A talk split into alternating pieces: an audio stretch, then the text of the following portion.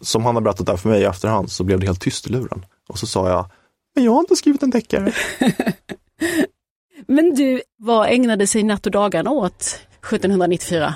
Som många andra adelssläkter så blev vi stormrika under 30-åriga eh, kriget, var nere i Europa och dödade folk och stal deras pengar.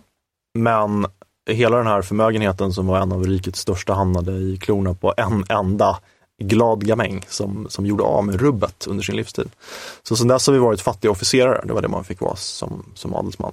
Och i då 1794 så finns det, eh, vi får med när eh, Magdalena Rudensköld schavoterar på Riddarholmstorget.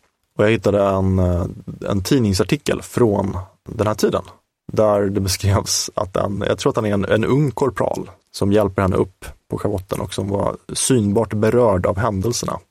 Och det var en natt och dag. Och han förekommer eh, som ett självporträtt i boken. Vikande, hårfäste och svag haka. Pocketpodden. En podd för dig som älskar pocket. Hej!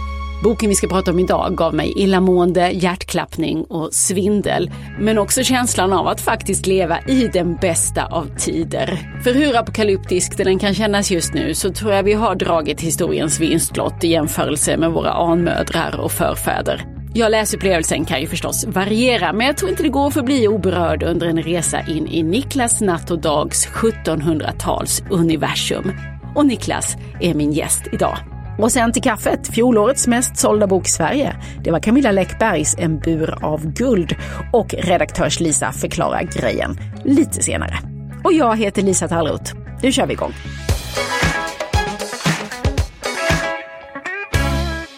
Det är januari nu, året nyss blivet 1794. Tidigare idag störde man mig på min kammare, jagade mig ur min säng och bad mig att klä mig, till året var nytt. Ohyra och snusk fått råda länge nog och nu skulle rummens kvava luft rökas med ris och golven bestänkas med surnat vin. Tafatt knöt jag byxorna, spände mina skor och hängde rocken över axlar som magrat så att tyget hängde slappt. Jag tog vägen nerför trappan och ut, för första gången på vad som måste varit veckor, ut i den dag som mitt trånga fönster beskurit till en skärva blott. Och där har vi öppningen för romanen 1794 och här har vi författaren också, Niklas Natt och Dag. Välkommen till Pocketpodden. Tack så hemskt mycket. Språket är väldigt vackert i de här romanerna. Äsch. Och det är någon variant av 1700-talska. Skulle vi kunna hålla den här intervjun på 1700-talska? Har du det så i dig så du kan prata det? Um, det vet jag inte. Man behöver inte vara så snabbtänkt som författare. Det är en stor fördel att man kan sitta och att verka fram det. Alltså det är inte riktigt, det är någon form som du säger. Jag tror att det här är ett språk som egentligen hör hemma på eh, kanske 30-40-tal. Eh, mycket av det kommer från 1700-talslitteratur som liksom återutgavs för en 1900-talspublik i början av 1900-talet och då hade liksom fräschats upp eller rent av översatts från franska, vilket var det man skrev i mycket. Och du, första boken då, 1793, när den kom så kallade du ju det för en arbetsseger, för den tog ganska många år att skriva, det tog ju ett antal år också att bli refuserad och sen så småningom bli utgiven. Och så var det lite trögt i starten kanske innan den till slut sköt upp som en raket bland läsare och i press. Du fick priser och massa uppmärksamhet för den här 1793. Det var den tionde mest sålda boken i fjol. Det är bra för en debut, får man säga. Ja, alltså jag förväntade mig inget sånt. Och jag tyckte att den här boken var kanske ganska svår och undlig och den var svår att vignettera och marknadsföra. Är det en deckare eller en historisk roman? Jag hade ju hoppats att den skulle funka som både och, men, men jag tyckte att risken var överhängande att den skulle funka som varken eller. Så det kom som en stor överraskning.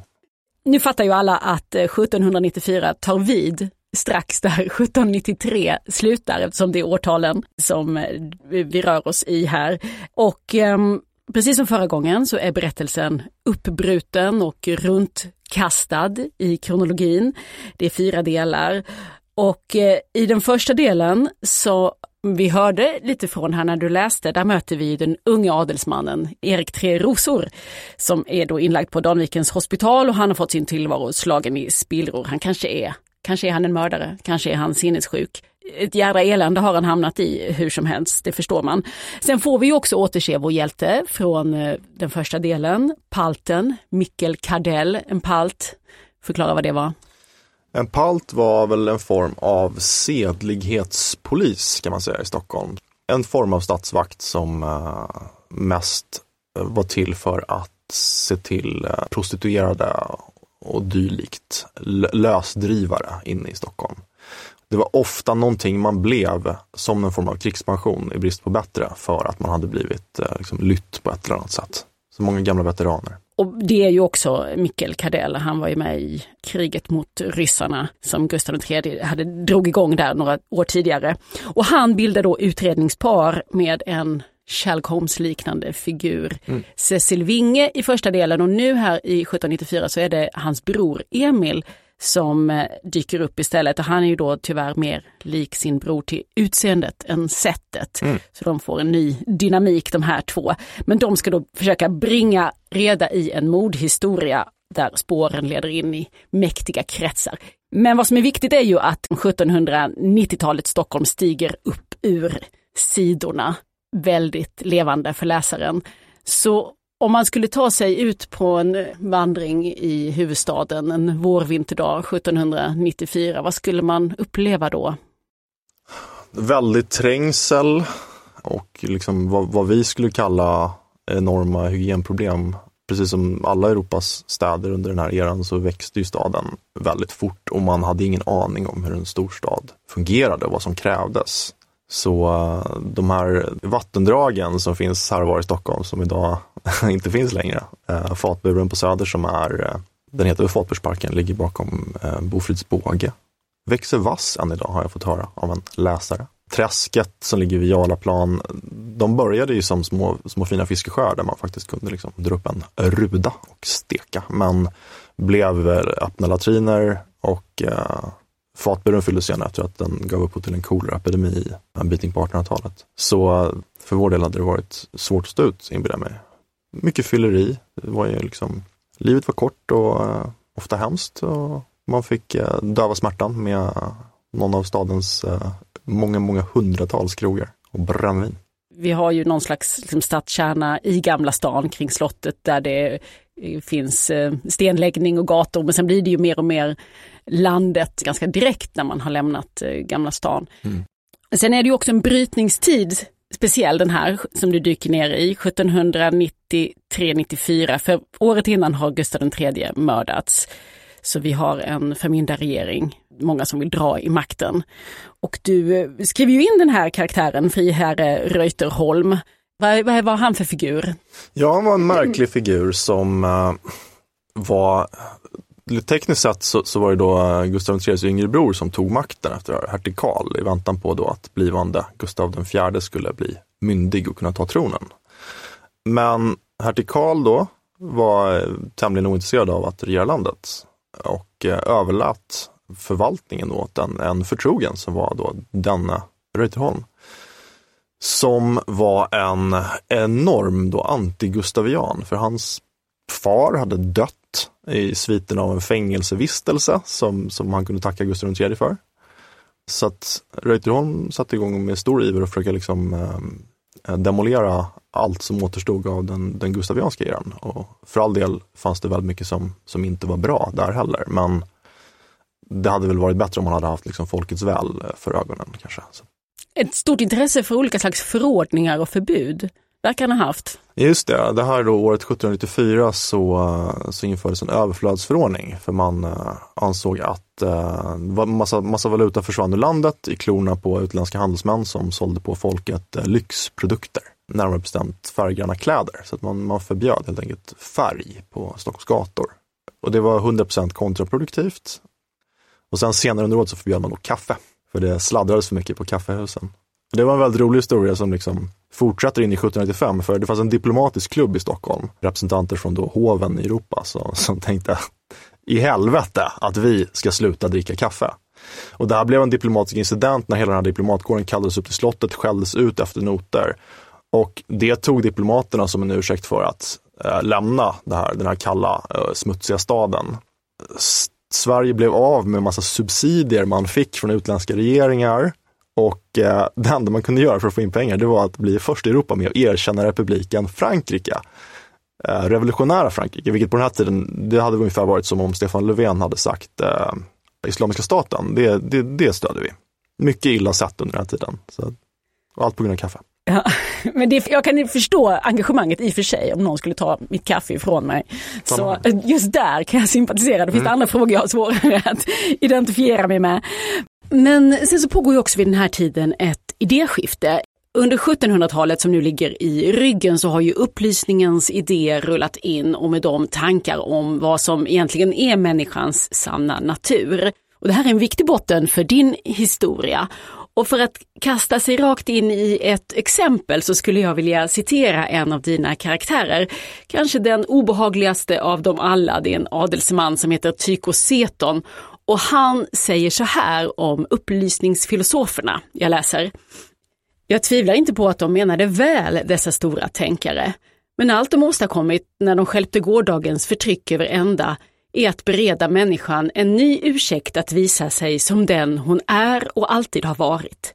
Lika styrd av naturens lagar som någonsin djuren i skogen, där våldet härskar oinskränkt och den starke gör sitt rov på den svage, när helst han förmår. Ja, Niklas, vad handlar detta om? För mig så, om den första boken så fanns det en ganska eh, ganska lågt hängande frukt eh, kan jag tycka. Det är ju en konflikt mellan liksom förnuft och känsla under den här tiden när det var förnuftsdyrkare som dyker upp med nya idéer. I den här boken så handlar det mer om en konflikt som fascinerar mig väldigt mycket. Som handlar om en strid mellan två olika typer av oförnuft. Och för mig eh, förkroppsligas de av, å ena sidan då eh, Rousseau, som är eh, fantastisk. På andra sidan så har vi då de Sade, den, den ökända. Och de är överens om väldigt mycket. De, de liksom ser på samhället och ser någonting som är i grunden ganska ruttet. Men Rousseau gör en ganska välvillig tolkning och eh, säger då att eh, en gång i tiden så, alltså människan är i grund och botten god, men vi har på något sätt korrumperats av, eh, av samhället. Och de Sade säger människan är i grund och botten eh, amoralisk och samhället är den naturliga konsekvensen av det. Och eh, Seton för liksom eh, han, han som karaktär är ett försök att använda då den så här sadianska libertinen som förekommer i alla det är inte jätteläst idag av, av förklarliga skäl, för det är ofta rätt tråkigt. Standardtexten, han skriver ju jättelånga böcker och det är i regel eh, några sidor orgie och sen har vi då en eh, libertin med en så här 12 tums erektion som endast slaknar när han ska mansplaina sin uh, misantropiska världsskådning för uh, sitt senaste offer. Jag trodde det var då den, då, då stod den mer än någonsin. Ja, och sen upprepas det här liksom uh, in absurdum. Och Tycho Seton, Seton är en person som, som helst av allt skulle vilja vara den fiktiva personen, men i själva verket är han något annat och det ska visa sig i den sista avslutande delen. Ja men det är en dragningskraft här liksom, mellan natur och kultur, mellan civilisation och det eh, ja, det ociviliserade, det som man då gärna vill hänvisa till som naturen eftersom man vid den här tiden också börjar göra upp med Gud och andra kungar och andra auktoriteter. Ja, visst. Alltså, det är ju på något sätt en, en idéroman i alla fall om idéerna som var i svang vid den här tiden. Ihop med det här mordmysteriet. Tycker du att du får tillräcklig uppmärksamhet för det? Alltså det står var och en fritt att tycka vad de vill om min bok. Mm. Uh, Men vad tycker och, du? Jag tycker att, alltså min stora inspirationskälla från början var ju en bok av Umberto Eco som heter Rosens namn som kom 1980.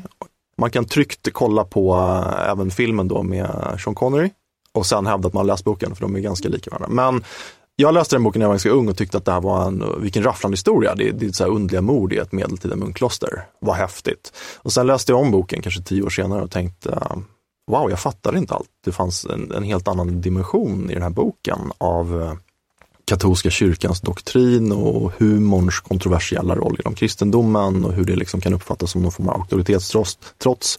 Och till slut blir det en fråga om liv och död. Uh, och jag var så fascinerad över att båda de liksom dimensionerna av boken kunde samexistera utan att det störde underhållningen för en liten kille som bara ville läsa någonting häftigt. Men även var ganska givande då för, för mig när jag var i lite vuxnare ålder. Och det var ju någonting sånt jag eftersträvade med den här boken. Men ambitionen är ju, är du inte intresserad av det här så, så behöver du inte bry dig. Är du intresserad så hoppas jag att att, att det finns något solitt där som, som också är till mervärde. Ja, Jag gick ju på det spåret. Jag tyckte det var verkligen en av den stora behållningen av boken. Men sen, nu har vi pratat mycket om Stockholm och det är mycket Stockholm, men nytt för 1794 det är att vi också tar oss till Västindien där Sverige hade den dåliga smaken att äga en koloni, Saint Bartolomé. Den var fransk då, innan den blev svensk och nu är den väl eh, återigen fransk. Va? Det stämmer. Och dit kan man åka på så här lyxiga semestrar idag. Oh ja, du kostar gjort det? jättemycket pengar. Nej, jag har aldrig gjort det. googla så är det bara sådana här kritvita stränder och eh, lyxiga barer. Och exotiskt nog så heter ju staden fortfarande Gustavia och som jag förstått det så har gatorna svenska namn än idag. Många av dem. Det här kan man ju eh, tänka på som en skamfläck i den svenska historien därför att det som ägde rum här var ju eh, slavhandel i mångt och mycket. Fanns inte, fanns inte så mycket annat att ägna sig åt där på den här ön, där långt ute i Karibien. Och hur kommer det sig att du tar oss dit, till Saint Bartolomé? Så det som du säger, det, det är en, en skamfläck i svensk historia som jag tycker eh, liksom ytterligare belyser den, så här, den smutsiga myllan under så här, myten om den, det här 1700-talets prakt och ståt. Vilket jag inte vet, jag, jag begriper inte att, att, att det är någonting folk, en bild folk verkar ha, för det har liksom historier kämpat hårt mot äh, i hundra år. Att det, ska, att det skulle vara det här, liksom, Ja, upplysning ja, ja, och ja. kultur och opera och teater och svenska akademier och annat. Ja, som- och i marknadsföring har det framhävts att här, min bok är ett knytnävsslag mot den uh, förfalskade bilden av gustaviansk prakt. Och, och i mitt källmaterial, eh, jag hade inga synpunkter på det. Jag var ju en väldigt samarbetsvillig liksom, debutant som tänkte så okej, vad fint att ni skriver grejer på baksidan av min bok. Men, men jag verkligen, slår man upp en bok från, jag har en bok från 40-talet som jag inte ens tror är första upplagan som heter Si Ulla dansar, en bildbok från Bellman Stockholm. Och de första orden man läser där är så här, ja, den bilden av Ulla Vinblad som en eh, kokett liten rokokoherdinna eh, har väldigt lite med verklighetens 1700-tal att göra. Så att det här var ju en, en, verkligen en, en rutten del av, av svensk historia som jag tyckte att det var dags att peta med vass pinne på. Det händer ungefär var femte år tycker jag, att någon drar upp den här historien. Så här, Sverige hade slavar, oh, eh, vadå humanitär stormakt? Och sen glöms det lite bort igen. Så det var väl dags. Ja, för att förklara lite kort, det var ju, eh, Sverige hade slavar men framförallt möjliggjorde vi ju en del av den stora handeln mellan Afrika och eh, Vad som hände var Amerika. att Gustav III under sina sista år bestämde sig för att det var dags för Sverige att bli ett imperium igen. Så att han ville ha en ö i Västindien. Och bytte till sig en sån från, från Frankrike mot tullfrihet i Göteborgs hamn. Och eh, man trodde då att man skulle åka till den här paradisön och sen skulle Sverige kunna bli självförsörjande på bomull och kaffe och socker. Och... Men när man väl kom ner dit så visade det sig att den här ön har inte ens färskvatten. Eh, det är bara verkligen en, en klippa ut i havet. Och sen för den svenska kolonin en ganska tynande tillvaro tills de revolutionära krigen bryter ut efter franska revolutionen. I kombination med att eh, Amerika blir självständigt och eh, britterna inför någon form av embargo mot, mot handel med USA. Så plötsligt är då den lilla staden Gustavia som, som bara består av skjul på stranden är ju då eh, den enda neutrala hamnen i Västindien. Och då fattar man snabbt att, ah, slavhandeln. Så man inför snabbt då, det, det är skattefritt att sälja slavar i Gustavia och bara köparna får betala svensk skatt. Och den heliga graal här, som bland annat Göran Skytte skrev en bok som heter Kungliga svenska slaveriet. Och eh, det man helst av allt skulle vilja hitta det är ju ett dokument där, där Gustav IIIs namn finns där det står slav, det är okej med slavhandel. Jag, jag vill signa den. Men det här var en kontroversiell fråga redan på 1700-talet. Och han var för smart för det. Hela graal nummer två, det är att hitta, man vet ju att svenskar skepp förde slavar. Men inte skepp som är ägda av kronan. Men de här gamla arkiven, det är ingen som vet var de finns idag. Så det här är liksom en, en, en gren att forska i för någon. Vad har du haft för material för underlag? För du är ju superambitiös med research och eh, det finns mycket bevarat från den här tiden, skriftliga källor. Vad har du använt för, för att eh, kartlägga livet på San Bartolomé? Tre stycken skildringar från eh, naturalieforskare och, eh, som åkte dit. Som heter Bengt U. Frasén. Det finns en här som heter Sven Dahlman. Och eh, viktigast av allt så finns det en man som heter eh, Kalander, Kristoffer Kalander. Som sen blev eh, väldigt bemärkt läkare i Göteborg. Jag tror att det är även hans namn som, som stod på Kalanderska sjukhuset. Han skrev en reseskildring, eh, en dagbok. Och den resan som Erik Troso gör är, eh, den är tagen eh, rakt ur den. Och han beskriver även värdshusen där nere och så vidare. Men eh, det här var egentligen första gången som jag fick så här, eh, en riktig forskningsupplevelse. Lite, en insikt som jag fått är ju att eh, man har det väldigt väl förspänt när man letar historiska källor idag, för saker och ting är sökbara, väldigt mycket digitaliserat. Så att man kan ta reda på enorma mängder detaljer bara genom att sitta på rumpan vid sin dator. Men de här texterna som då är tryckta, så det är inga handskrifter, de gavs ut i Stockholm på 1700-talet. De begärde jag faktiskt upp då i eh, Kungliga bibliotekets eh, det lilla läsrum de har, där man måste legitimera sig, där man bara får använda blyertspennor. Och eh, man får en liten eh, en kätting klädd i tyg som man kan lägga på boken så att man inte liksom håller händerna på den och kladdar ner den. Och de är ju fullt läsbara än idag. Och jag tyckte det var jättehäftigt. Jag önskar att jag hade fler ursäkter att göra det där. Um... Och vad var det du hittade där? Det var ett stycke du skulle kunna återge från boken. Ja, det här är då nästan ordagrant taget ur då Bengt U. Franzéns skildring och jag har lagt de orden i eh, munnen på en annan historisk figur som hette Samuel Falberg, som var den svenska läkaren där nere. Och eh, han berättar följande då för en av våra protagonister. De flesta här nere tar sig kulörta mätresser. Svenska Barthélemy må inte vara decenniet gammalt än, men engelsmännen och holländarna har varit här i sekler redan och förökat sig av hjärtans lust. Avkomman till en negrinna och en vit kallas här mulatt. Den som är fallen av en negrinna och en mulatt kallas sambo, eller i vissa fall kadre. En mulatt och en vit får en mestis. En mestis och en vit får en quarteron eller mamblou. En mamblou och en vit får en quinteron och en quinteron och en vit avlar en blanc. Därvidlag är det svarta blodet så utspätt att det knappt kan skönjas på ytan mer. Och det här är ju verkligen en hemsk, eh, verkligen en föregångare till rasbiologi. Det finns även en vedervärdig skildring av en, eh, en havande kvinna som, som ska pryglas och man gräver då ett hål i marken för att hon ska kunna ligga på rygg för att skydda magen. För hennes barn är värt pengar för hennes ägare och sen piskarna. Och det kommer också rakt från hans. Eh, mm. Jag tänkte, någonstans så um, hörde jag dig säga efter att du har läst mycket av de här dagböckerna och skrifterna skrivna på 1700-talet, att man ändå får konstatera att vi har så mycket gemensamt med våra förfäder för 200 år sedan, att eh, våra känsloliv är väldigt lika. Men samhället runt omkring är ju så fruktansvärt brutalt, så jag eh, skulle vilja att du övertygade mig lite mer om att vi fungerar helt likadant som eh, 1700-talspersonerna idag.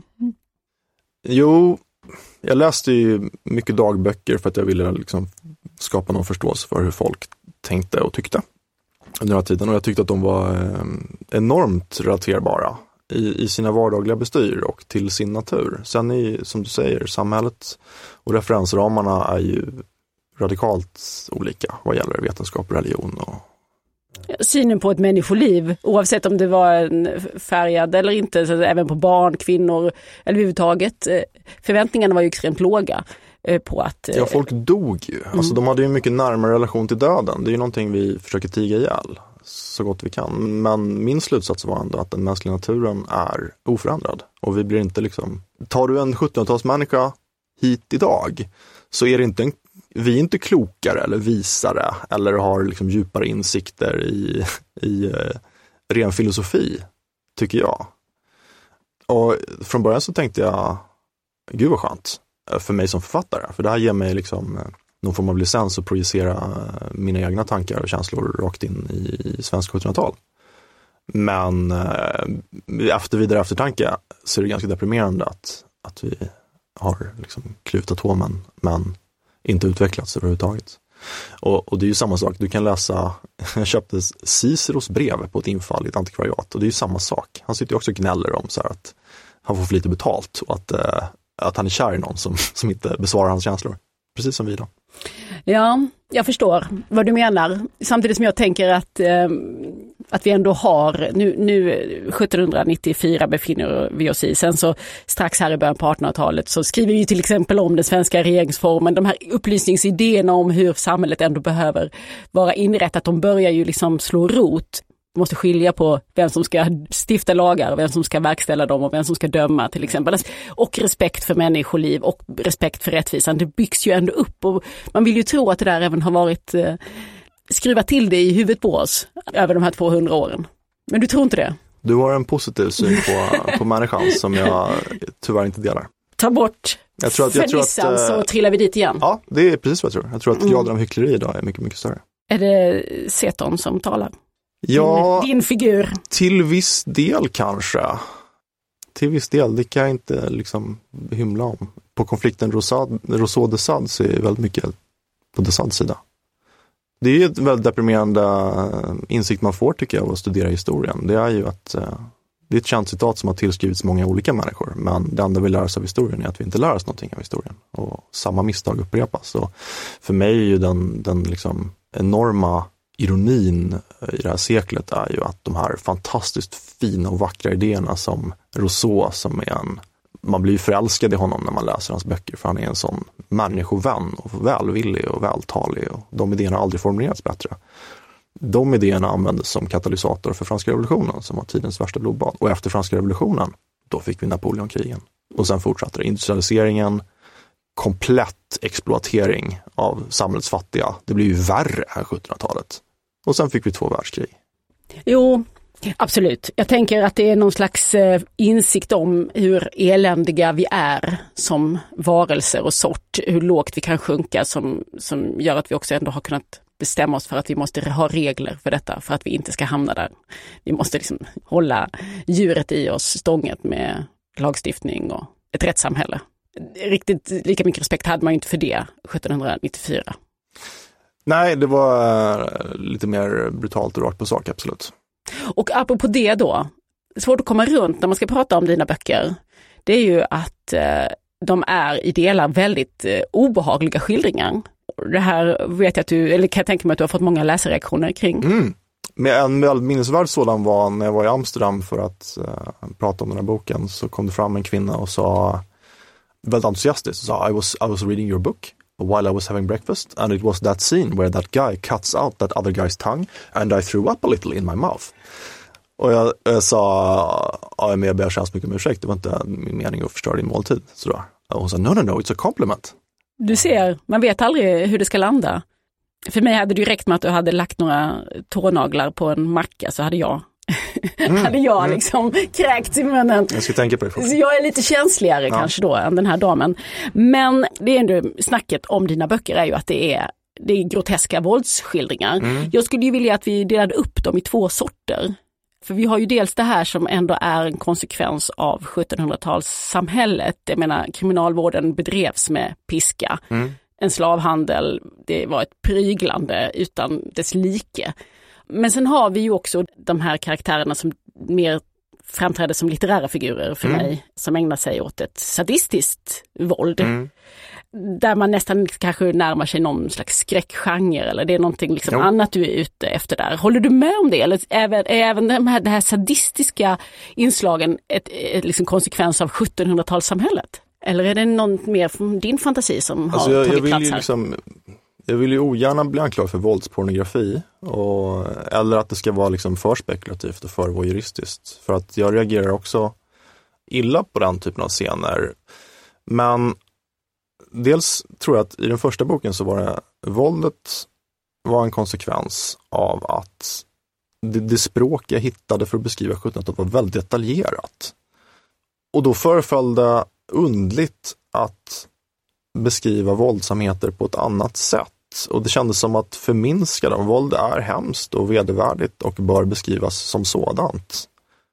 Och jag var lite förvånad över de reaktionerna jag fick. Så att när jag började skriva 1794 så tänkte jag, mm, jag ska försöka vara medveten om det här. Har jag liksom har jag svartmålat svenskt 1700-tal liksom med, med en typ av våld som, som inte finns. Det finns ett litet förtäckt försvarstal över 1793 i en beskrivning av en, eh, en bemärkt avrättning i Frankrike av en, en herre som hette Damian som blev eh, då fyrdelad till häst som, eh, som en, liksom, ett stort, en stor folkfest i Paris i mitten av 1700-talet.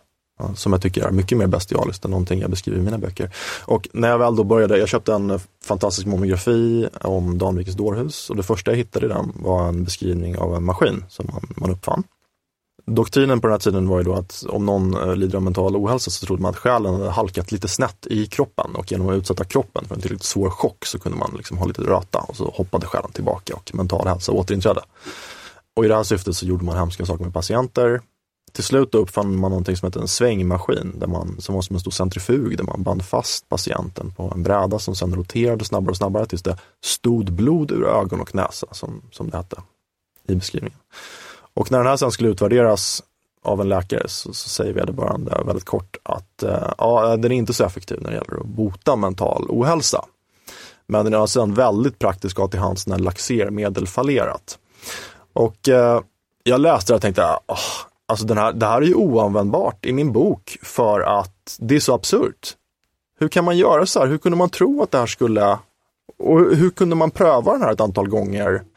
Så att det, är liksom, det går inte att överträffa, människans dumhet och grymhet är liksom omöjligt att över, överträffa i fiktion man kommer ju väldigt långt bara på att då skildra de vidrigheter som folk eh, dokumenterat höll på med under 1700-talet. Men, men jag är lite ute efter det här att du ju också uppfinner en sadist mm. i din bok som har en liksom egen personlig eh, läggning. Och det var det jag menade, det, handlar det, det handlar om någonting annat, det handlar inte om 1700-talssamhället. Han, han anknyter ju då till uh, de Sads texter och tyvärr så är det så att 1794 hänger ju väldigt mycket ihop med sitt slut. Vilket i mångt och mycket har förhindrat mig att förse den här figuren med ett motiv som jag tycker är tillräckligt trovärdigt. Jag är tvungen att vänta med det. Det ska visa sig att eh, som, som en, en liten ledtråd då inför framtida läsning för den som är manad, så mycket av de, de våldsscener som beskrivs, med ett enda undantag, så beskrivs de av en eh, otillförlitlig berättare. Så vi vet inte vad som egentligen hände. Ah, du äh. osäkrar hela Lite grann, lite grann, men det är, det är min uh, ambition att förse honom med ett motiv som är acceptabelt och som uh, berättigar det här. Och hur jag lyckas med det kan bara varje enskild läsare uh, dra sina egna slutsatser om. Om ett år, eller två.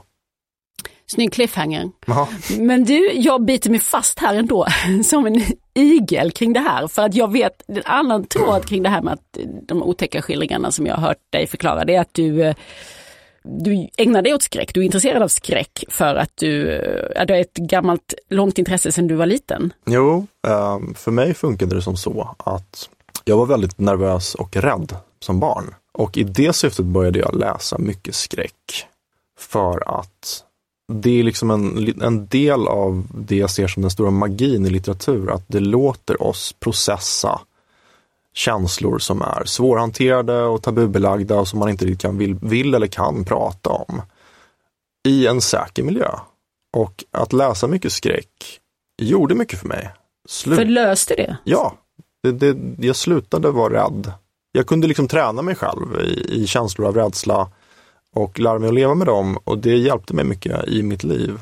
Men det är klart att som i alla genrer, har man förläst sig på någonting så leder det till någon jag, jag kallar det smickrande åt mig själv för en, en, en eh, nivå av liksom sofistikering där du tänker, ja, ah, någon hittar en död kropp i en källare. Mm, mm, inte så otäckt. Okay, någon, någon vederbörande måste hantera den döda kroppen i källaren. Ja, Ja, det är lite mer otäckt. Fortfarande inte riktigt där. Okej, någon, den döda kroppen är intryckt i ett hål som vederbörande måste liksom forcera sig igenom. Jätteotäckt. Du går längre än så kan vi säga i de här böckerna. Har du gått över dina egna gränser här? Har du liksom skrämt slag på dig själv? Ja, det vet jag inte riktigt om jag har. Men jag tyckte att jag försökte tona ner det här betänkligt i 1794. Men jag menar, om du tar ut alla våldsskildringar i den här boken och ställer dem på rad så tror jag inte att det är, jag tror inte att det är 5% av boken. Funderar du lika mycket på detta inför den tredje delen som du skriver på nu? Mm, um, lite grann. Jag har haft lite problem. Det finns stor mängd problem tycker jag med att liksom skriva en tredje bok i en serie och jag är jätteglad att det är en avslutande del. För jag började skriva ännu ett grådaskigt Stockholmspanorama och tänkte fan vad det här är gjort av mig och bättre förr. Liksom. ja. Och nu, nu stampar jag bara på liksom, redan upptrampad mark här. Uh, och var tvungen att tänka om och försöka liksom, hitta någon ny infallsvinkel på Stockholm. Men har du hittat något, något källmaterial som har fått dig att gå igång? Ja, uh, det kom till en punkt där jag tänkte, jag ska bara, jag, jag hade tyckt att jag hade råd med en viss liksom, researchbudget. Um, så jag började urskillningslöst köpa allting jag kunde hitta om svenskt 1700-tal. Och en av de böckerna var en monografi av eh, en av våra stora 1700-talsforskare som heter Arne Jarrik, som även är då eh, förevigad i min bok för att det är ett internt skämt. Många sidokaraktärer har fått namn efter de forskare som eh, ligger bakom källmaterialet. Men han skrev i alla fall en monografi om 1700-talet blev liksom frikyrkans stora genombrott i Sverige. Och han skrev om en, en rörelse som heter herrnhutismen som blev väldigt stor på 1700-talet. Och i den boken dök det upp idéer som formade basen för 1795. Du, ehm, eh, Fredrik Backman var ju här, Mm. din rumskompis Oh ja. och kollega och eh, stora supporter. ja, verkligen. Han tycker ju att du är ett geni. Jag tycker även Fredrik är ett geni. Vad mysigt då, ni måste ha det. Kul, kul för inbördes beundran. Ja. Vi sitter nästan bara och ger varandra komplimanger hela dagen. Jag förstår att ni använder er av varandra en hel del, eh, men skriver ju så himla olika böcker. Vad har du för nytta av Fredrik i ditt textarbete? Fredrik är ju av hävd den första läsaren av det jag skriver. Och jag tror att jag visade honom den första delen av 1793 när den var klar, när det var liksom verkligen work in progress. Och hade inte han varit väldigt positiv i det läget så vet jag inte riktigt vad som hade hänt, ärligt talat. Men det vi har gemensamt är väl Fredrik är enormt, han har en fantastisk instinkt för känslor och att skapa känslor hos läsaren. Alltså utan det så faller ju allt. Om du inte kan manipulera en läsare att faktiskt känna någonting för saker som du har hittat på så, så är det ingenting. Och han är fantastisk när det gäller att peka ut den sortens problem i texter. Sen tror jag ni har lite samma humor också va? Ja, det Du släpper inte fram lika mycket i dina romaner, men det finns där. Mikkel Kadell är ju en rolig typ. Mm. När du har skrivit som frilansjournalist då har ju du också, liksom, har ni lite mer lika stil. Det har du rätt i. Nu måste du vara i ett 1700-tals universum här. Hur går du in i det? Liksom, hur, det tar du på dig peruken på morgonen? Nej, jag dyker inte upp på förskolan i liksom pudrad peruk och sådana grejer. Inga orosanmälningar av för att jag har så här mors. Liksom. Men, Jag är lite besviken faktiskt. men däremot, eh, Inga 1700-talsvanor annars. jo, jo, jag spelar ju luta liksom. Och har en ganska stor samling lutor. Jag kom ju till allt det här genom Bellman och genom att lyssna på Fred Åkerström-tolkningar från, eh, alltså när jag var i nedre tonåren. Jag tyckte de var fantastiska och lärde mig spela gitarr utifrån det. Jag klinkar ju Bellman på mina lutor. Det är i allra högsta grad ett sätt att, att eh, ha, att vara omgiven av ett levande 1700-tal. De texterna är ju fantastiska, musiken är enastående. Nu när jag ändå börjar se någon form av slut på det här, det vill säga den, den sista boken ska komma ut eh, hösten 2021. Och sen är det hejdå till 1700-talet och jag kommer sakna det något alldeles fruktansvärt. Det är fem år kvar. 96, 97, Ja, 98. Ja, men jag vill ju inte, jag känner ju redan nu att jag vill inte fastna i någonting som det här är vad det är och nu har jag liksom försökt skapa en sammanhängande handlingsbåge som sträcker över tre romaner och det handlar om de här människorna. Mer än så tror jag inte jag kan göra och fortfarande liksom berättiga det rent Vi behöver inte lova någonting. Vi håller det öppet. Mm. Med det slutar vi för idag. Tusen tack för att du kom hit Niklas Natt och Dag. Tack för att jag fick komma. Pocketpodden. Ja, förra årets mest sålda bok i Sverige är det vi ska prata om nu. Och det mest sålda innan ens pocketen hade kommit ut, för den kommer nu, Camilla Läckbergs En bur av guld. Lisa Jonasdotter Nilsson, redaktör på Bonnierförlagen. Förvånade dig att den sprang upp i toppen som den mest sålda? Eh, inte alls. Det finns väl ingen i Sverige som inte känner till Camilla Läckberg och hon har ju skrivit tio böcker i den superpopulära Fjällbacka-serien som också är enormt eh, framgångsrik utomlands.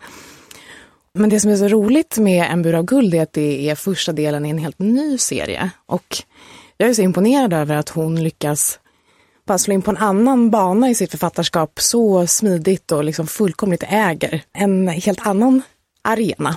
Men det är samma genre, vi är fortfarande i en spännings, eh, spänningsgenre, eller hur? Absolut, men jag skulle säga att det här är mer modernt än Fjällbacka-serien. Alltså det, det handlar om en självständig kvinna, behandlar teman som känns väldigt ja, men moderna och som hämnd och väldigt så här djupa psykologiska drivkrafter bakom relationer och Ja, men det är liksom huvudpersonen Faye som eh, allting kretsar kring.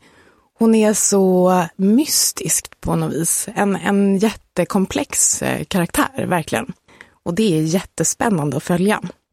Kan man säga någonting om startfältet för den här historien? Man får ju aldrig avslöja så mycket när det är spänningsböcker, men var, Nej, var börjar vi? Det finns en risk att man säger för mycket, men man kan väl säga så här, Faye eh, är en kvinna som kommer från Fjällbacka, så att Fjällbacka finns fortfarande där i bakgrunden. Men hon, eh, man möter henne när hon bor i Stockholm och hon har utbildat sig på Handelshögskolan och man förstår att hon är en väldigt smart person.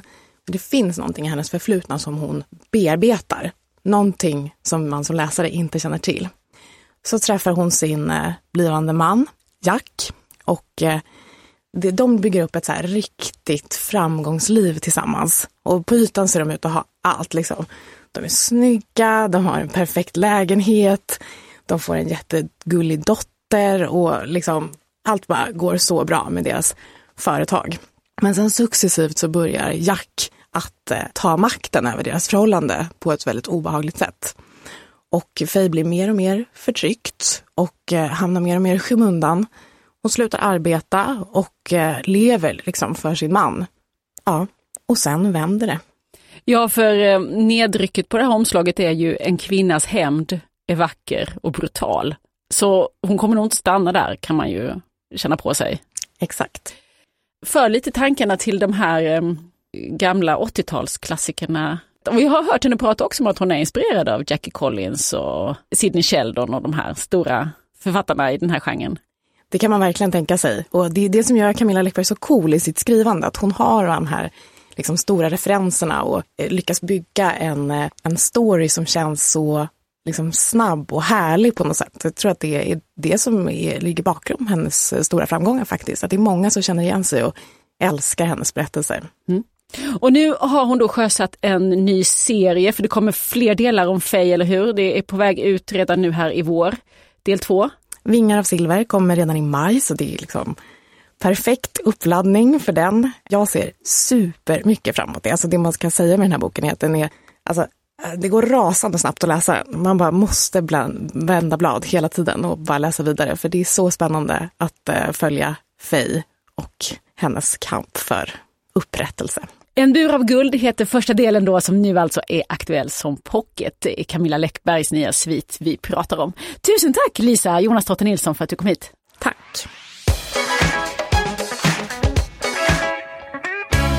Det pågår en litteraturfestival i Umeå just den här helgen och jag är där för att träffa Monica Fagerholm och Athena Farrokhzad bland andra.